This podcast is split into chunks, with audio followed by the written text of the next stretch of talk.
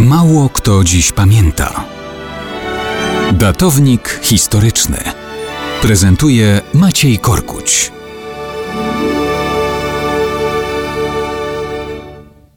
Mało kto dziś pamięta, że 26 stycznia 1919 roku odbyły się wolne i powszechne wybory do Sejmu Ustawodawczego. Nigdy dość przypominania tego doniosłego faktu. Zaledwie dwa miesiące mijało od pamiętnego listopada 1918 roku, kiedy zaczęła się odradzać wolna i niepodległa Rzeczpospolita Polska.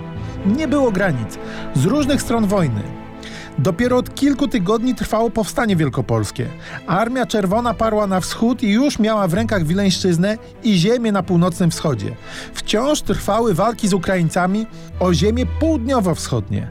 Z tego skorzystali Czesi, łamiąc wcześniejsze porozumienia i dokonując zbrojnej agresji na Śląsk Cieszyński. Niemcy robili wszystko, aby Polska miała jak najmniej ziem zaboru pruskiego. Konfliktów, problemów i wyzwań co niemiara a Polacy organizują wolne wybory do Sejmu Ustawodawczego. Tymczasowy naczelnik państwa Józef Piłsudski ma właściwie nieograniczoną władzę. Wie, że zwołanie Sejmu mającego narodową legitymację tę władzę mu tylko ograniczy. I co? I organizuje wybory. Odrodzona Polska ma być bowiem państwem powstałym z woli narodu, z woli całego społeczeństwa. Piłsudski nie chce, aby prawo było tworzone przez instytucje tymczasowe, nie mające mandatu do przemawiania i decydowania w imieniu wszystkich Polaków. To było ważniejsze niż jakiekolwiek problemy czy konflikty polityczne. To naród miał tworzyć własne państwo, a nie takie czy inne elity.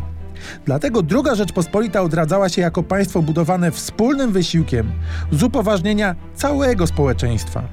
Rozumiano to lepiej w roku 1918 niż w 1989, kiedy przedłużano żywot Sejmu kontraktowego, nie pochodzącego przecież z wolnych wyborów. Druga Rzeczpospolita od pierwszych chwil istnienia miała być bezkompromisowo wolnym państwem, bezkompromisowo wolnego narodu.